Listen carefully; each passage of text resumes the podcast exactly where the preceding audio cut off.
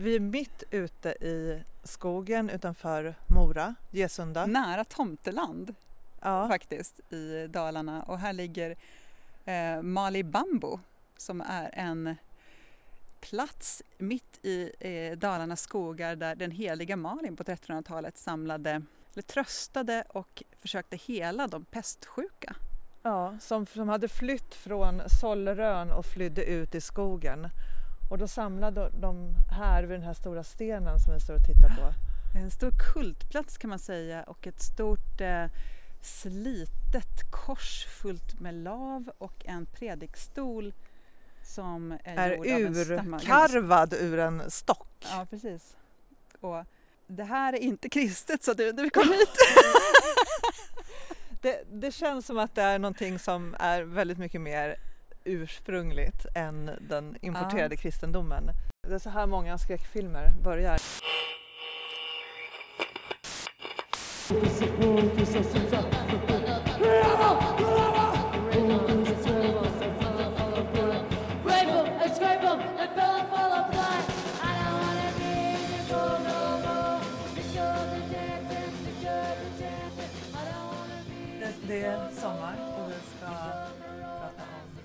Dödsturism i skekologerna, Ja. eller hur? Och det blev lite slumpmässigt påkommet för att vi poddar ju lite nu och då och när vi känner för det. Men grejen är att när vi har sett ganska många gånger så har vi ägnat oss åt att åka till platser där hemska saker har hänt. Ja, avrättningsplatser och liknande. Ja, vi var ju i, när vi var på en liten turné i Gästrikland en gång så var vi i Trekanten Mm. utanför Torsåker där tre socknar möts och där är en gammal avrättningsplats. Ja. Där de hade satt upp ett slags konstinstallation som minne och så kunde man läsa om, om olika avrättningsmetoder och vilka typer av straff som människor kunde råka ut för som till exempel hor som egentligen var att man råkade Ligga med någon. ligga med någon Ja. som man inte var gift med. Eller, eller dubbelt hor då om man var två gifta som låg med varandra Mm. som inte var gifta med varandra. Mm. Och då var det avrättning. Eller tidelag som säkert var ganska vanligt Ja, då i, i bondsamhället där man då blev nedgrävd till, till huvudet Ah. och fick vara där tills man dog. Mm. Och sånt, sånt här tycker vi alltså är roligt. På riktigt, och, och vi är långt ifrån ensamma att tycka sånt här Ja. är roligt. För att mörk turism eller morbid turism som eh, en svensk eh, forskare Mhm. tydligen eh, kallar det, eh, är ju en ja, det, det är ju van, alltså ganska vanligt att folk ägnar sig åt det här. Man åker till platser där det har varit eh, mord eller olyckor eller stora ja, tragiska händelser. Och en del av de här är väl nästan en del i den vanliga turismen Mm. och andra är lite mer Obskyra. suspekta kanske också till Ja. att åka till. Vil, vil, vilken sån här plats har du åkt till som du tycker har varit konstigast? Konstigast att åka till eh, som så oväntat konstig eller, Ja, eller, som så. du, en sån här som du känner att det här kan jag inte riktigt stå för. stå... Ja, Jag vet inte. exakt. Alltså, det finns ju så här under, underkategorier i det här med eh, mörk turism eller dark tourism eller vad man nu vill kalla det för. Och en av dem är sån här katastrofturism. Och det tycker jag är jävligt obehagligt. Det passar inte mig. Mm. Och då har jag ofrivilligt varit på Ground Zero i New York. Och det tycker jag inte alls är kul. Eller så här, jag ser inte riktigt poängen med varför jag skulle vara där Nej. och titta på en, en plats där en massa människor har dött i terroristattentat. Mm. Det, det lockar ingenting i mig. Hur kom det sig att du hamnade där? Då? Ja, men det var för att jag var i New York och hade med mig sällskap som ville se Ground Zero. Ja. Samma sak kan jag nog känna lite grann med eh, så här Holocaust-turism. Mm. Att åka till Auschwitz har heller aldrig lockat mig eller nå- något av koncentrationslägren för att se. Eh, jag, jag känner nog att jag har för lite för livlig fantasi för att orka med det. Du tänker att det, ska vara en, att, det blir en väldigt, att det blir en svår upplevelse? Och eh, jag kände nog, alltså varje gång jag åker till Berlin så tycker jag att det räcker för att det ska kännas obehagligt. Eller Warszawa där man ser kulhålen sitta kvar i byggnaderna Mm. fortfarande. Men Berlin, där finns det en väldigt obehaglig sak på gatorna med Ja. att man har plaketter utanför hus där det står familjers namn när de då eh, togs därifrån under förintelsen och, och avrättades i koncentrationsläger. Ja, det finns ju även i andra tyska städer. Jag har Ja. inte varit i Berlin men jag har varit i andra städer och sett det här och det var väldigt Ja, jag tyckte också att det var drabbande. Det kom så o... Det kom så plötsligt. Mm. På ett sätt är det väl bra. Jag tycker att det kan vara ett bra sätt att ändå lägga in historien Mm, i, i den nutida Mm. gatubilden. Eh, Men det är, för, det är för allvarligt. Ja, jag tror det. Jag tror att jag dras nog mer till spöken och, Mm. och mystik Mm, snarare än, än den här realismen. mm. Därför vi håller på med saker som att hitta på skräck istället för...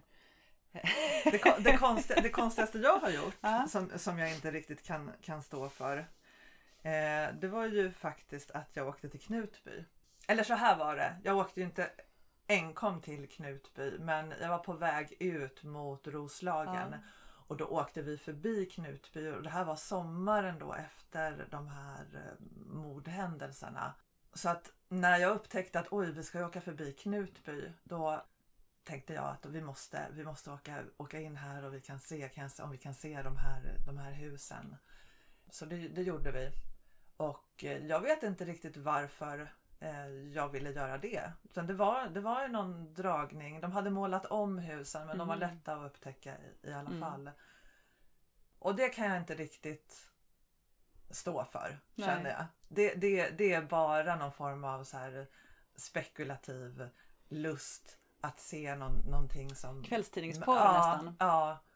De, de, många av de här andra sakerna kan man ju ändå Ja. intellektualisera Mm. på något sätt. Men, men det kan jag inte göra. Det Men vad är, vad är din bästa sån här liksom, mörk turismupplevelse då?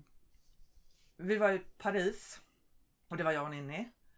Och vi hade, jag hade underskattat eh, hur stort turistmål Paris är och hur mycket folk som köar till alla de här olika turistattraktionerna man ska se. Så att en dag så skulle vi gå upp i, i Eiffel, Eiffeltornet och vi släntrade in någon gång när vi hade liksom vaknat i god tid och ätit vår frukost och tagit oss dit. Så att klockan var ju över elva när vi kom dit.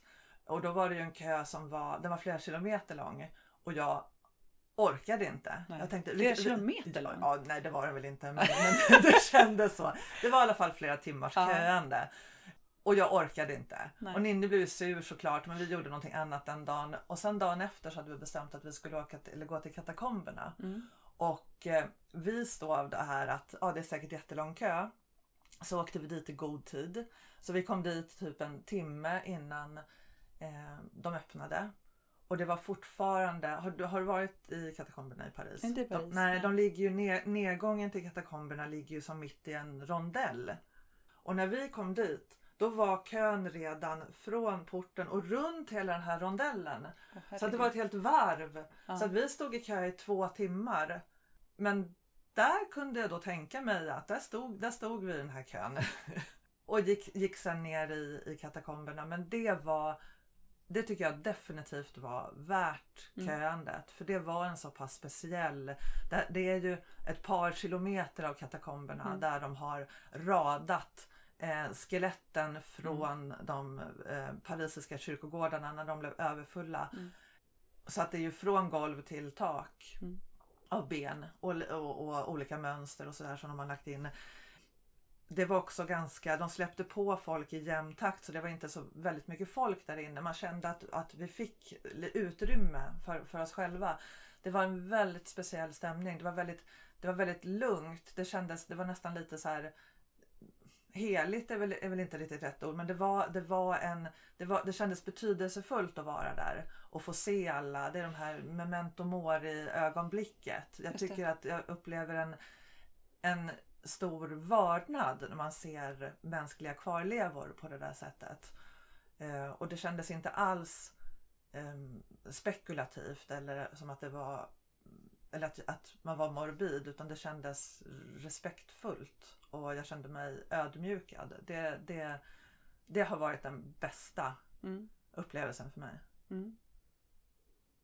Du då? Det var intressant att du sa det eftersom jag hade skrivit upp katakomberna i Rom. Det var för att det var så fruktansvärt varmt i Rom och jag tyckte att Colosseum var urtrist och alla de andra ställena var ganska trista liksom. Mm. Jag tycker överhuvudtaget inte om ställen där det är för mycket folk. så katakomberna ligger en bit utanför Roms centrum eh, där då. Och, men, men lite på samma sätt som det du beskriver i Paris. Och eh, lika när jag varit i Istanbul så har jag det kanske inte är så morbid att gå ner i såna här vattencisternerna under, under vattnet, un- under staden. Men liksom, där kan man se såna här antika medusahuvuden och, och liksom vita fiskar som inte har fått något ljus. Och att det känns lite Alltså, de obehagligt. Ja, miljön, ja, precis. Anpassade till miljön i Mm. mörkret där nere. Och sådana platser tycker jag om, både för att det är svalt och för att eh, det är lite obehagligt. Ja. Och det är också en del kan jag tycka av den här mörka turismen eller alternativa turismen kanske. Att man ser de här Ja. platserna som, är, som ändå är lite annorlunda. En miljö som plötsligt dyker upp som är lite oväntad. Mm. Eh, men sen också så tänkte jag på lite, lite grejer som, som jag faktiskt har gjort som har varit eh, att, att jag har dragits till, till den här typen av, av ställen och jag har inte tänkt Mm. på det faktiskt förrän vi började prata om den här podden. Hur mycket, Hur mycket jag har gjort. där. Ja. För att eh, om man jämför med min eh, partner då som tycker att, att ligga på stranden vid Medelhavet är det bästa eftersom han också kommer därifrån. Så är vi helt olika där eftersom jag gärna gör an, an, kan vi inte gå till en grotta typ? Ja. Ja. Men vi har ju varit på eh, häxbränningsplatser i Gästrikland, Mm. eh, offerplatser, avräddning, avräddningsplatser. Eh, em, hela Gamla stan har jag gått spökvandring och Stockholms blodbad och eh, Säters mentalsjukhus. Mm. Gröna Lund för mig nu är ett eh, spök... Eh, eh, Va? Är det? mål. Ja, Varför det? för därför att under Gröna Lund så ligger en stor pestkyrkogård. Eh, där massa lik ligger helt Ja. enkelt från pesten. Där man då schaktade ner folk. Ja. Och så, sen byggde så man helt Gröna Lund tycker du att det är roligt Nu tycker jag att Gröna Lund är plötsligt mycket roligare. Sen har jag ju också alltså, kyrkogårdar över, överlag. Att Ja. jag vill åka till en kyrkogård. Eh, som vi gjorde igår. Ja. Men eh, Père Lachaise i Paris var ju liksom bland det första jag ville åka till när jag åkte Mm. till Paris. Mm. Inte Eiffeltornet. Nej. Utan gå runt där och titta på alla kända gravar. Eh, min första dejt med min eh, eh, sambo hade jag ju på Katarina kyrkogård på Mm. Söder.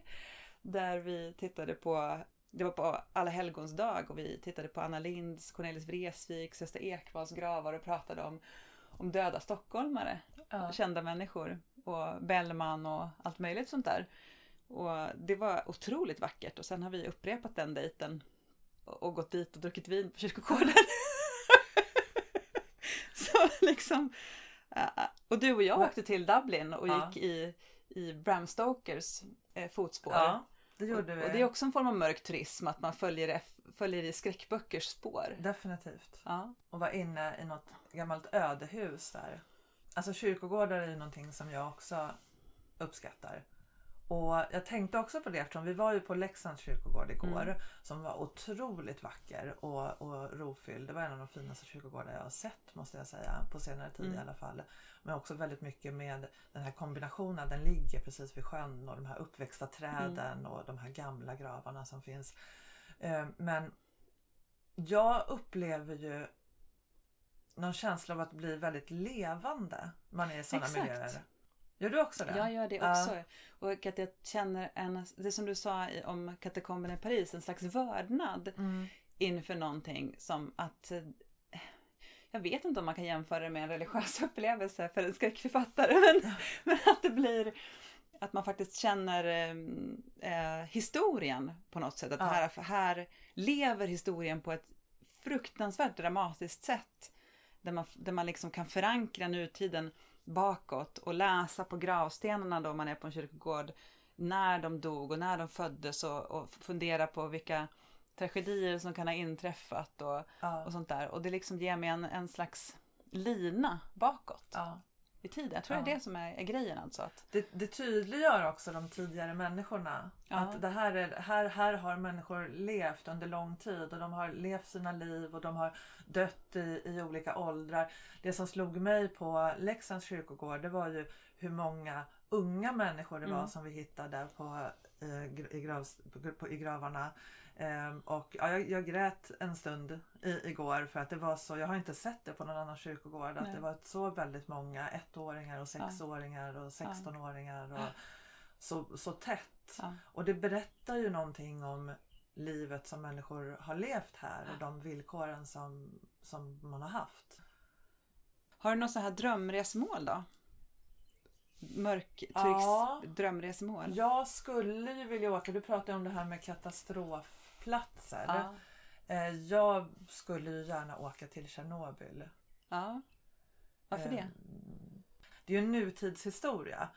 För att det här, det här är ju någonting som Mm. jag minns när det hände i, i min barndom. Mm.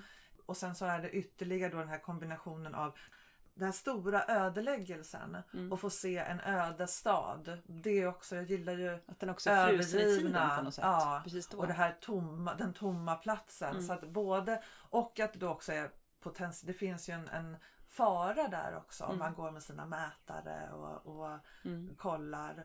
Eh, Och så det att- ger dig lite extra då? det är lite Mm. extra. Ja, det är en, en, eh, det är en, så det är en kombination av många saker som gör Mm. att jag skulle tycka att det var spännande. Det, det är din motsvarighet till Mount Everest? Ja, helt klart. He- hellre radioaktiv strålning än, än upp i någon jävla kärrpass. Jo men det jag försöker komma till är att jag tror att, att ganska många söker såna här adrenalinkickar fast på olika sätt då. Ja, Och då- vad, vad levande gör Ja. Mm. exakt. Mm. Precis, jag är nog inte äventyrs... Fast umbäranden kan ju vara trevligt men eh, inte, inte extrem. Jag är ingen extrem äventyrare. Det kan räcka med att, att tälta i, i Sverige. Mm. Eller bo i ett spökhus. Eller bo i ett spökhus. Ja. Ja. Vi har ju Ja. pratat om Borgvattnet ganska Jag länge. vet, men vi har också dragit oss för Borgvattnet. Det har vi. Eh, av, av lite oklara anledningar skulle jag säga eftersom ingen av oss säger sig riktigt tro på Nu det åker här. vi dit. Mm. Men det får ju bli... Ja, men det är nästan... Är vi i Sverige, är vi bra på mörk turism tycker du? Nej, Eller hur? jag tror inte det.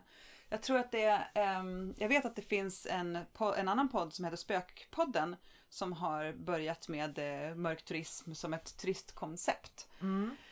Eh, där man då säljer också weekends i Mm. olika hemsökta hus. Och eh, jag var tvungen att fota av en av dessa, dessa, erbjudanden från i juli nu eh, som heter School of Wisdom. Som man kan åka till på Kungälvs gästgiveri i Kungälv. Där man Mm. kan komma till en helg med intuitionsträning och prova på intuitionsverktyg för er som vill arbeta medialt. Med- Vi går igenom spåbord, pendel, hur vi programmerar kristaller med mera. Tolkning av orakelkort och Mm. chakrasystemet kopplat till din numerologiska livsväg. Inget jag skulle gå på. Men Nej, det, det finns säkert jättemånga. Det är lite för out there för mig. Ja. Men skulle man till exempel lära sig hur man använder ett Ouija-bräde eller så, då skulle jag Då det någon... kanske åka dit och, och vara jätterädd hela tiden. Ja. Vi frammanar demoner och lär er lägga ringar av Mm. salt. Då Mm. kommer jag. Mm.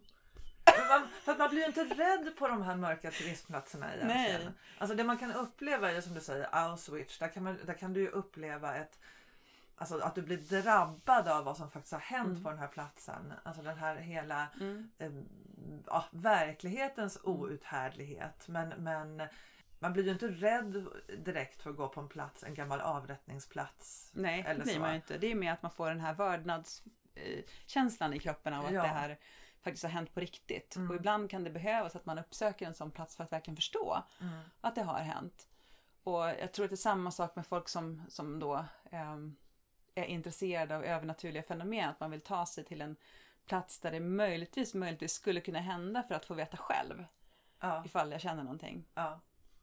Ja, fängelsemuseet i, i Gävle är faktiskt ett sånt ställe som är ett tips då. Man vill både gå på ett museum och ett ställe där det spökar väldigt mycket. just det, där har jag också varit. Mm. Men det, är- det är ett bra ställe. Och där jobbar ju en av de som eh, är, är ju medial som jobbar där. Mm. Kanske jag inte ska säga men så är det ju. Ja. ja. Och de och, har haft... och hen, eh, hen har då lite koll på vilka spöken Ja, det finns precis. där. och så. Annars tycker jag att det här är någonting som man skulle kunna jobba lite mer på i besöksnäringen. Absolut. I, i, våra, i våra landskap och, och Mm. län. mm, Eh, det, det, det finns ju överallt. Mängder av platser. mm. Ehm, Vissa kanske är lite bättre på det på, på olika ställen i, i Sverige då, men det finns ju alltid sådana här historier att berätta. Stockholm är väl kanske en av de bättre eftersom de har, de har spökvandringar och faktiskt företag som har gjort ett koncept på det här. ja, Eh, och vissa sådana här konferensherrgårdar har också fattat eh, grejen Ja. och gjort spökvandringar och, och övernattningshelger Ja. och, och vålnader och man berättar alltid om någon vit fru på varenda ställe. Typ. Mm. Och det Där- funkar ju. Ja, det gör ju det. Jag, jag jobbade ju Ah. som guide i Gamla stan för, Mm. ja det är snart 20 år sedan nu. Och då hade vi ett koncept, det var ju häst och vagnturen Ja. som gick där runt, runt Gamla stan. Och då fick vi ett manus när vi utbildade Mm. oss till guider från då eh, företaget om vad vi skulle prata om på de här olika ställena. Eh, jag upptäckte ju ganska snabbt, jag började ju mixtra lite med det här och hade lite andra grejer som jag testade. Och upptäckte ganska snabbt att det var ju de här makabra och lite blodigare och lite, lite mer eh, otäcka sakerna som fick folk att lystra till. Mm. Istället för att lite slött sitta och titta på fasaderna så lyssnade de plötsligt när jag berättade om avrättningsplatsen på Söder Mm. och galgbackarna och sådär. Min eh, guidning ändrades ganska mycket under den sommaren. från, från mörka varit- guiden. Frå, precis, från att ha gått och från, från prata lite mer om Gustav III till att ja, faktiskt ta tillvara på den blodiga historien som stan har. Mm. Jag tror att, eh, att eh, många ställen i Sverige skulle ha nytta av det här och, och liksom levandegöra eh, sina platser med hjälp av litterär gestaltning faktiskt. Ja, men att man kanske skriver berättelser om platser i jag-form där det har hänt någonting. Att man faktiskt fick höra i Vita Fruns berättelse jag-form Ja. exempelvis Ja. och spelade in dem eh, som eh, live-upplevelser till exempel. Eller gjorde dem som interaktiva upplevelser som man kan ha i mobilen. Eller så. Jätte, Ja, Jättebra idé. Vi var ju på en sån plats förra, förra sommaren var det va? I den här gruvan som vi Ja. var i.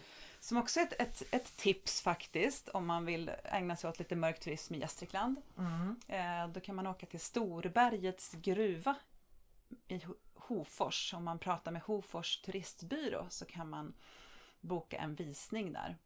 Eh, och Storbergets gruva är en gruva som liksom det är ju ingen gruva som går neråt utan det är en gruva som går från botten av ett gammalt berg in genom en som kallas stållgång. Och sen så är det en sån här eh, gruva som han har grävt från toppen av berget uppåt. Och neråt menar jag. Alltså när man går där i, i, i gruvan så ser man liksom upp till ljuset. Ja.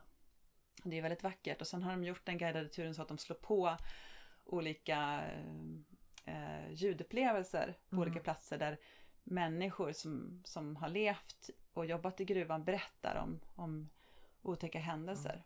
Mm. Och någon som blev räddad av ett övernaturligt väsen från Ja. att drunkna i en av de här platserna. Vita frun antagligen. Antagligen. ja. Mm. Eller gruvfrun. Ja, nej förlåt, inte vita frun, gruvfrun. Mm. Och de här reglerna som fanns var att man inte får, man får inte skrika Inte vissla. och inte vissla. Och så måste man knacka man- tre gånger i Ja. väggen innan man går in för att så att säga man att man vet kommer. att man kommer. Och knackar hon tillbaka då så får man inte gå in. Mm. Och där inne är ju um, skådeplatsen också för min trilogi som har en, en länk dit till de Mm. katastrofer som hände där för 500 år sedan när eh, 20 ungdomar eh, som jobbade i gruvan dog av ett Ja. ras. Så ser det ju ut i varenda gruva egentligen. Det är kanske därför jag gillar gruvor så mycket. För Ja. att det har hänt så mycket dramatiska saker där. Och det tänkte jag också på nu. Det här med att hur morbid en besökplats är handlar ju också om hur mycket tid som har gått sedan, Absolut. tragedin inträffade. Eh, om en gruva skulle, om, om 500 människor skulle dö i Kiruna idag och vi skulle turista där om, om två veckor, då är ju inte det då är det en högre grad av, av morbiditet Mm. än om olyckan hände för 500 år sedan Absolut. tiden gör ju också att då de här platserna som kanske idag ses som lite mer morbida eh, om ett gäng år kommer att ingå i de här i den mainstream-turismen Mm. så att säga. Som till exempel, jag har, jag har faktiskt några exempel. Mm. Jag, har, jag har gjort en, en liten lista Mm. på platser som jag tänkte kolla, kolla med dig om det är så här, är det här ett ställe som du skulle vilja turista Ja. på eller inte och, Ja. och varför. Och de, de, är lite, eh, de är lite olika i tid. Så Mm. jag tänkte att jag skulle kolla det med dig. Den första platsen då på den här listan det är Pompeji. Pompeji i eh, Italien. Ja, Intressant att du tar upp det eftersom när jag var liten så såg jag ett, ett tv-program om Pompeji som, som skräck, gjorde mig helt skräckslagen. Mm. Med en programledare som liksom lajvade den här katastrofen. Och, Var inte det Hatte Furuhagen? ja men säkert. Va, ja, jag kommer och ihåg så det här. sprang han omkring där och visade upp de här brända, liksom, Ja. lavatäckta kropparna. Som låg där och det var människor som hade dött i en omfamning och det, var, Ja. så här, det var så otroligt otäckt. Ja, Men jo, jag skulle vilja åka till Pompeji, Ja. absolut. för det, precis. För det Nu. som finns i Pompeji det är ju att, att när, när vulkanen hade sitt utbrott så var förloppet så snabbt Mm. så att människor fastnade. De hann inte ens fly. Nej. Utan de blev dränkta i lava och finns då kvar. Ja. och Måste det bara ju, exploderat. Ja, och det här är ju ett, ett jättestort turistmål. Mm. Men det är ju helt klart en sån sak som skulle kunna klassas som Mm. mörk turism. Absolut. Ja. Och den, an- den andra platsen, ja den har vi ju redan pratat lite om då, men det är ju Auschwitz. Ja. Nej. Och det är för att det är för Eh, hemskt.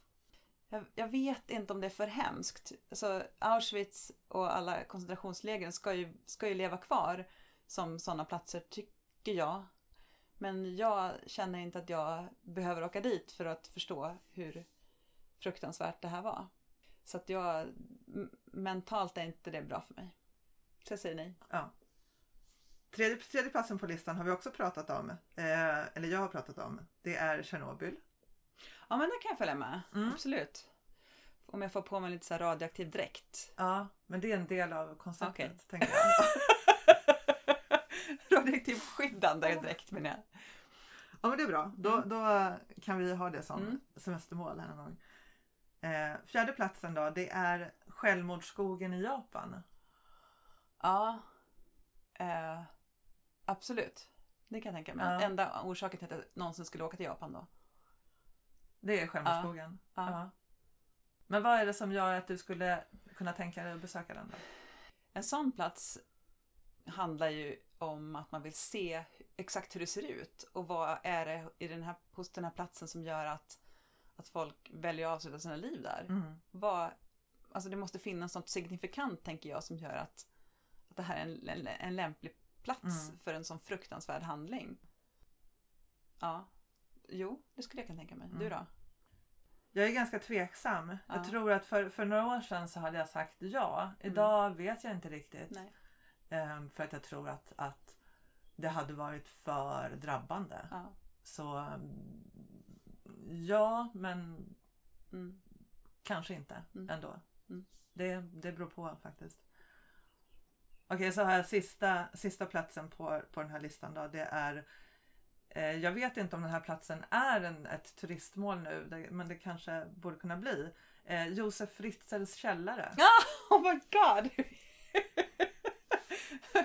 uh, nej, eh, jag tror inte att jag är så intresserad av att se det faktiskt. Det, där går gränsen för uh, att, alltså jag har ingen, ingen, ingen dragning alls till galna seriemördare eller galna eh, våldtäktsmän eller sådär. Det, nej, det räcker att jag läser en tidningsartikel om det. Jag behöver inte gå dit. Nej. Men om någon erbjöd dig då? Skulle du inte vara lite... Du får Om du chansen om du- om du du får säger så här, se det här Okej, vi åkte till Josef Fritzels källare, då skulle jag ju naturligtvis följa med, det vet du ju. Det skulle bli ganska roligt då att åka med dig. ja. Men, men jag skulle ju inte komma på det själv då. Men jag säger som du säger att vi måste åka så gör jag väl det då. Ja. Sen har jag ett drömresmål själv. ja, det vill jag höra. Ja.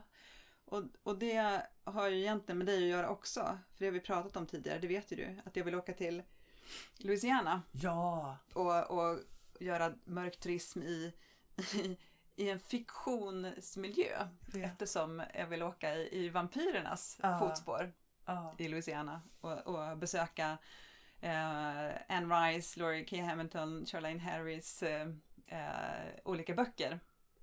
Och så vill jag liksom se hur de här olika eh, reviren för varulvar och vampyrer överlappar varandra i de olika Hur, böckerna. du menar hur fungerar det här egentligen i, i, I i verkligheten. verkligheten?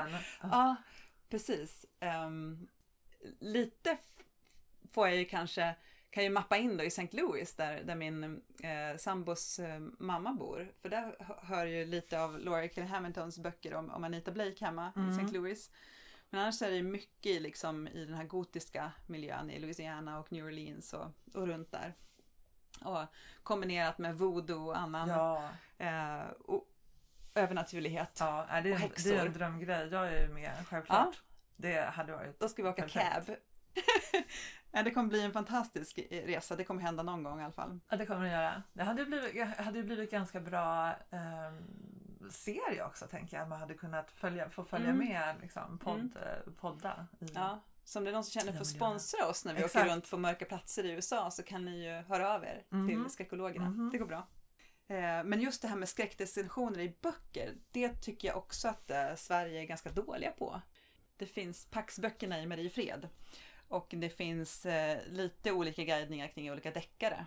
Men annars så är vi ganska ja, usla på det ja. där. Ja, jag vet inte någonting. Jag försöker komma på något nu, men nej, det finns väldigt lite. Finns det någon Blackebergsvandring till exempel för Jonna Wide Lindqvists olika böcker? Det borde ju finnas. Ja, det borde finnas. ja. Eh, Ja. Det finns ju um, skräckförfattare som skriver om Stockholm. Det borde vi kunna ha. Några vandringar också. Eh, alla som skriver på olika lokala platser. ja. Till exempel jag. ja. Nej, ja men, varför, precis, varför finns det inte det här i Gästrikland? ja, varför finns det inte i Gästrikland? Ja. Eller varför finns det inte...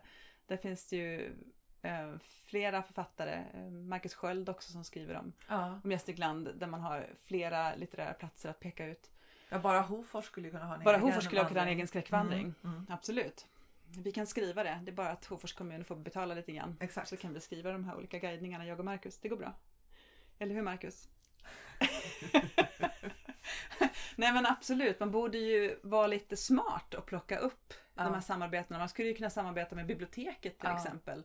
Och ha bibliotekarier som är ute och, och läser stycken ur böcker eller bjuda in författare eller vad det nu kan vara. Men eh, koppla det till turistbyrån. Mm. För det här intresserar ju folk. Det gör ju det. Ja. Eh, och så skulle man kunna sälja de här böckerna också på, ehm, på turistbyrån Mm. och säga att det är kopplat till en olika guideturer. Mm. Det finns ju otroliga koncept här Oh ja. Oh ja. Överallt.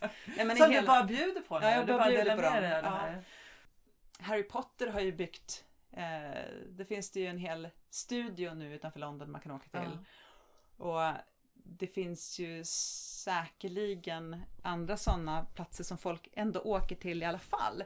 Som till exempel Dan Brown-böckerna så åker man till det här Rosen... Roslyn, Roslyn Chapel. Chapel för att titta där om heliga graalen verkligen Ja. finns där. Absolut blir folk intresserade själva. Mm. Men skulle man arrangera sådana resor ehm, så, så kan man ju också profitera på det om man är lite smart. Så mörk turism, mer mörk turism i Sverige. Men sen också Mm. en annan aspekt av den här mörka turismen som jag upptäckte nu när jag började göra lite research är ju något som jag själv kallar för extremturism då. Ja. Extremmörk. Och då hittar jag bland annat då ett ställe som heter McCamey Manor i USA. ja, just det. Där man då, konceptet är lev en skräckfilm. Mm. Får berätta Ehm, precis, vad, mm. gör, vad, gör, vad gör de där? Då får man alltså, innan man går in så får man skriva på ett 40 sidor långt kontrakt över allt som man går med på och man inte ska stämma dem för i Ja. stort sett. Och skriva typ bort sina ja. rättigheter. ja, man, man Att går man i princip med på att de får göra Nästan vad allt. som helst. Ja. Och sen eh, ska man då vara beredd på att bli utsatt för tortyr i stort sett. Mm. eh, smärta, ehm, skräck, fara, att bli plågad på olika sätt. Och det upplevelsen tar mellan 4 och 6 timmar. 24 000 människor står i kö för att få göra den här upplevelsen. Mm. Och hittills har ingen klarat att ta sig igenom hela. Nej. Och det finns en belöning utfäst för de som då klarar det på 20 000 dollar tror jag Ja. det är. Som om man klarar det. Det kostar inget att gå in. Man kan man får ge lite hundmat till arrangörerna i, i entréavgift. Så okej. det här är ju ett eh, skräckhus. Kanske inte filmen så, men det är ju ett, ett här terrorhus där man går in och blir slagen, skriken på, fasttejpad, får blod hällt på sig. Någon har fått tänder utdragna och naglar och liksom alltså riktig Ja. plåga. Jag tänker att det också måste vara ett koncept där de som driver det här stället tycker om att plåga folk Ja. på riktigt. Ja. Men Eh. jag blir också lite förvånad över att människor faktiskt tror att de ska klara av det här Ja. under den här tidsperioden. För det, det fattar man, borde man väl nästan fatta, att de människor som man inte känner plockar in en, jag såg, jag såg något, jag undrar om det inte var Kobra som hade Mm. ett avsnitt om det här nämligen, Mm. som jag såg för ett gäng år sedan. Och då plockade de in folk i, i, från deras hem och typ kidnappade dem. Så det började redan där. Bakband dem och satte ögonbindel på dem och slängde in dem i en van och sen så skeppades de ut till det här huset. Eh, Och det som förvånar mig då det är att folk faktiskt tror att de ska klara av den här tortyren som det faktiskt Mm. är då i, i, i de här antalen timmar. Det är ju klart att man knäcks. Ja, det är allt Att- möjligt från waterboarding till liksom eh, spyor till att man liksom får avföring på sig, Ja. blod och, och så här. Att Ja. man tänker att det här är väl inget problem. Det, det är ju inte, jag menar möjligen om du är marinsoldat att du skulle kunna hantera Möjligtvis, situationen. för då genomgår man ju faktiskt när man är tränad till, man får faktiskt träna sig mentalt att utstå sådana här saker. Ja, Och det är ju hemskt psykologiskt jobbigt. Om man får hjälp och, och ja. fixa det också. Men sen tänker jag också att, att folk kanske tänker att det finns någon form av belöning som inte bara är pengarna utan att det också handlar om någon mental rening. Alltså Kanske om det. du har genomgått en sån här sak och vad, vad händer Ja. med dig då när du kommer ut på, på andra sidan. Mm. Men vad tror du det är som gör att, att människor vill utsätta sig för det här? Extrem mörkturism. Varför vill folk klättra upp för Kebnekaise höll jag på att säga, men vad heter det? Mount Everest. Eh, Det är ju att testa sina gränser tror Mm. jag. Och testa vad, klar, vad klarar jag av. Mm. Svårigheten med att göra en sån här grej som i det här huset, det tror jag är när man inser att jag klarar inte av någonting. Man tror att man kan gå in och vara stark, och att man, eller mentalt stark och Mm. tänka att men det här är ju inte på riktigt. Mm. Jag kommer ju inte dö.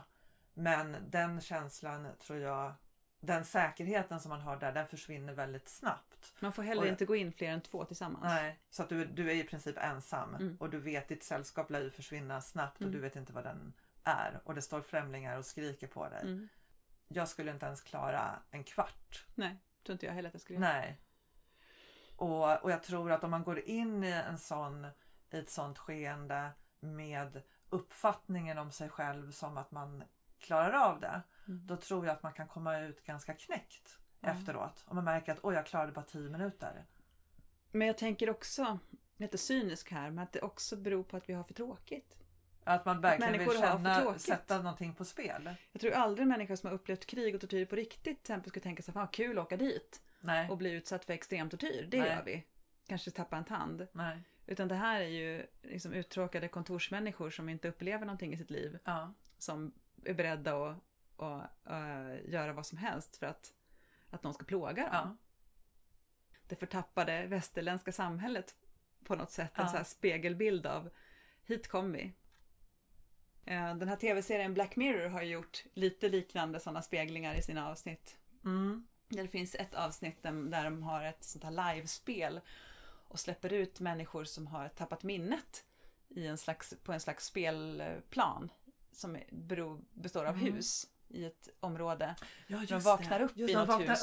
Och, och så är det helt tomt och så ska, Mm. går de ut och sen går de ut och letar efter folk och ropar hallå är det någon här? Och sen så dyker det upp människor i djurmasker med olika verktyg. Som en Som motorsåg. Och börjar sakta gå efter Ja. dem och när de ökar takten så springer de. Ja. Och så jagar de dem med så här med en motorsåg, borrmaskiner Ja. och så här.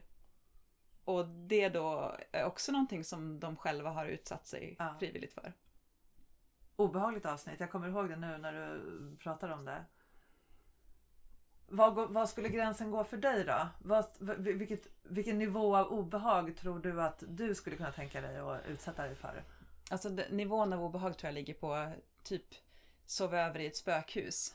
Eh, upplevelser av, av övernaturlighet där på natten. Alltså höra saker eller känna eh, grejer. Så skulle man då vara en, en jävligt smidig och smart person som drev det här spökhuset så skulle man ju lägga in vibrationer i sängar och man skulle ha så här vind som blåser på natten. Fönster som automat öppnar sig men inte berättar om det här och sen liksom att det trillar ner saker i sängen från taket Ja. till exempel. Ehm, Jag hade klarat en kvart där Ja, också. max. exakt! att det liksom rasar ner kackerlackor i sängen eller att det är lite för äckligt. Men den nivån skulle jag Ja. kanske tänka mig att utsätta mig för. Ja. Mm. Du då? Vad är ditt eh, maximala obehag i mörkturism? Alltså jag skulle ju kunna tänka mig, det, det, det är väl inte riktigt mörk turism kanske, men jag skulle ju kunna tänka mig något sånt här bootcamp grej. Och, få, och få ja, men, kräla lite i lera och, och, och ha någon, och, ha någon så här drill sergeant som står och skriker lite Fast det är ju en träningsform Jenny, Det i är ju Stockholm. mer ja jag vet. Ja, men det är ju också ett tecken på så här, men jag- kan man, kan man bara få känna lite på riktigt här i livet? Okej. Eh, Det är ganska enkelt att lösa det här faktiskt. Ja, men det är ju ett o- obehag. Okej, okej, om man säger någonting som skulle vara skitläskigt. Alltså det skulle ju vara det här med om vi, om vi rör oss mot demoner och så igen då. Mm. Och få besöka, nu vet inte jag om det här finns, men jag tänker mig att, att ehm, i Vatikanstaten så kanske det finns någon typ av, man har ju ändå ägnat sig Mm. åt demonutdrivning Mm. och så inom katolska kyrkan så att Mm. där kanske det finns någon form av Mm. avdelning eller samling eller, eller människor som man kan prata med eller studera fall eller så. Det skulle nog vara, Mm. det skulle jag uppleva som obehagligt och samtidigt vilja göra det. Så Mm. det skulle jag utsätta mig för. Spännande. Nu tänker jag att vi borde göra ett poddavsnitt om exorcism Ja, och, och träffa en exorcist. ja. Ha, finns det några sådana då nu här Svenska i Sverige? exorcister? Ja. Det måste vi ta reda på. Om det är någon som vet någon så hör av er. Ja, det, det be- behöver vi skräckologa. Men det måste ju finnas någonting naturligt i människan som gör att vi eh, åker till sådana här saker. Att vi har deltagit i gladiatorspel, att vi har deltagit i avrättningar, att vi har tittat på, att vi ibland har tvingat våra barn att titta på det. För att, jag vet inte, danas som människor eller något. Ja, men del, dels tror jag ju historiskt att, att våldet har varit närmare oss än vad Mm. det är idag. Vi har ju ett väldigt icke-våldsamt samhälle Mm. idag jämfört med för ja, bara 50 år sedan eller Mm. jag tänkte då 100 år sedan. Så, eh, när man ägnade sig åt mycket mer vardagsvåld, husaga och Mm. våld som uppfostringsmetod och, och sådär. Så att jag tror att det var inte lika steget var inte lika stort att gå och titta Mm. på, på våld eller på en avrättning eller så som det skulle vara för oss idag. Mm. Och där kommer kanske också in den här aspekten att, att det ändå kan finnas hos oss, kanske inte ett behov men att vi ändå har, vi har ju aggressivitet i oss som människor. Mm.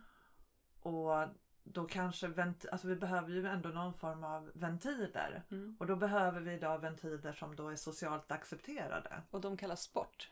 Sport. Mm, Till viss del en sån här men skräckfilm är väl en del också Ja, av det här. Att, att på något sätt, för att då har, ju, då har vi aggressiviteten men du har ju också rädslan. Mm. Och om det är samma sak där, om du lever i ett samhälle som du upplever som, som ganska tryggt så behöver du ju kanske träna eller trigga eller ven- ventilera också de känslorna som vi ändå har i oss då eftersom vi, vi är människor. Mm. Det är någon slags testkörning av systemen nästan. Att få bli våldsamt exalterad emellanåt eller få ägna dig åt någon, någon Mm. ja, sport. Eller att få bli lite rädd. Mm. Jo, men jag tror att alla människor lever ut det här på, på något sätt Ja. i sitt liv. Oavsett om man kollar på fotbollsmatch och skriker lite. Mm. Eller om man eh, boxas eller om man eh, spelar skräckspel med VR-glasögon Ja. eller vad man nu gör för någonting. Ja. Så, så eh, utsätter man sig för en skräckrening på något sätt. det är ju det. Och det är ju, ganska, det är ju ganska skönt att slåss. och jag har ju boxats en gång i tiden. Också av lite samma anledning. Att Ja. jag, eller kickboxats för att få ur en massa känslor som ligger och, och skvalpar. Ja. Att man känner sig helt eh, rensad efteråt. Ja. Jätteskönt. Ja. Dels, dels tror jag för att du har, det är ju så mycket annat som, du kan ju egentligen bara, du får ett fokus som du kanske inte har i så många andra sammanhang när, när, man, när man slåss. Det blir en, en, en alldeles särskild sorts koncentration Mm. som inte bara är i huvudet utan den är ju i, i hela kroppen. Och det är väldigt, det är väldigt skönt. Mm. Särskilt om man är som jag och säkert du också som känner att huvudet håller på hela tiden. Mm. Det är därför det kommer på sådana filmkoncept som Fight Club och sånt där. När man Exakt. inser att sånt här behöver människor Jag skulle lätt vara med i Fight Club. Också ett, ett mörkt turismkoncept för Jenny. Jag skulle lätt vara med i Fight Club. Ja, du ser. Så skulle man då sätta upp ett sånt eh, slagsmålskoncept på olika ställen i Sverige så... Svårigheten där är att man får inte prata om Fight Club. Nej, så det du blir inte lika lätt. Du får aldrig prata om Fight Club! Men man kanske kan texta om det. Ja, det kan man göra. Ja. Precis. Du sa aldrig något om sms. Okej, kanske av, avslutningsvis. Har vi förutom Borgvattnet, Mm. har vi något bra svenskt tips som finns nu? Ja, alltså jag tipsar faktiskt generellt om att, att utforska sin egen hembygd. Mm. Eh, prata med hembygdsföreningen eller som jag gjorde igår, prata med kyrkvaktmästaren och då fick vi veta att vi skulle åka till Malibambu för att eh, se den heliga Malins eh, eh, gudstjänstplats där hon höll på med eh, pest och trösta de pestsmittade på 1300-talet. Mm. Men eh, på så sätt har jag rotat fram olika ställen i Gästrikland eh, som jag har farit runt på. Alltså helt enkelt prata med folk på museum, på hembygdsgårdar, turistbyrån. Eh, och sen så kommer det alltid fram något läskigt nästan överallt. Det är mitt bästa Mm. tips. Det tycker, jag, det tycker jag är ett bra tips. När jag, när jag var liten så var det en artikel i DN om spökplatser i Stockholm. Och eh, vi åkte till de här ställena, jag och min mamma och pappa. Eh, och det var bland de roligaste utflykter som jag har gjort. För att jag var så uppspelt innan. Särskilt ett ställe som var en åker utanför Bällsta. Eh, och vi åker dit, i skymningen stod det att man skulle vara rätt tid sådär. Och att, jag har för mig att det här var höst för att den här åken var ju plöjd så att jorden låg öppen liksom, i, Mm. i fåror så. Och sen var det sån här rosa skymningsljus. Och vi satt där i bilen och jag var så uppspelt, entusiastiskt. Det bara pirrade i hela kroppen Mm. för att och här finns det spöken. Då skulle man se ett begravningsfölje som, som kom Mhm. gående där över fältet. Och det hände ju ingenting naturligtvis. Vi såg Mm. ju inte ett skit. Men ni var på en åker. Men vi var på en åker och jag har, ja, jag har fortfarande så starka minnen av det här Mm. så att jag, min, jag minns den Mm. idag fast ingenting hände. Men det var förväntan att Exakt. här, här skulle det kunna finnas någonting.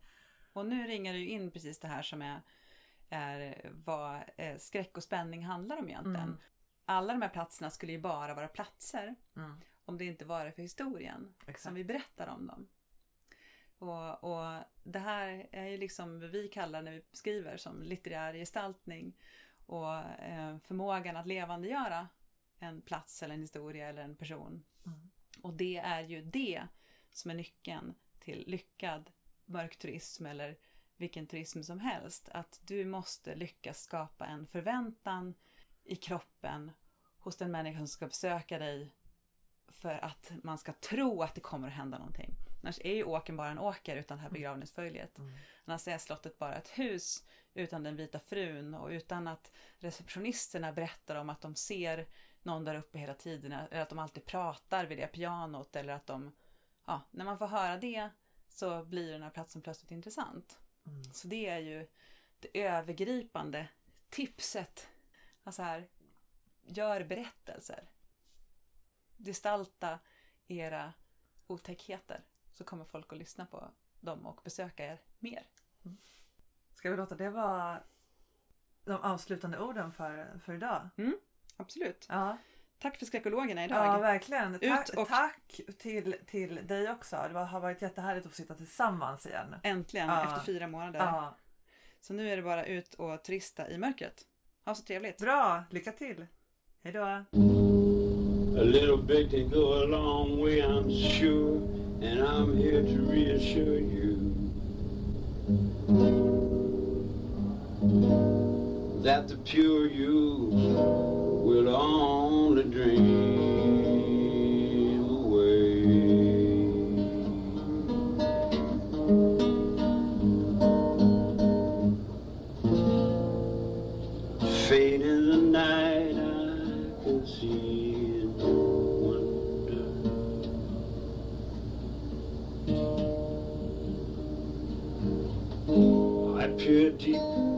within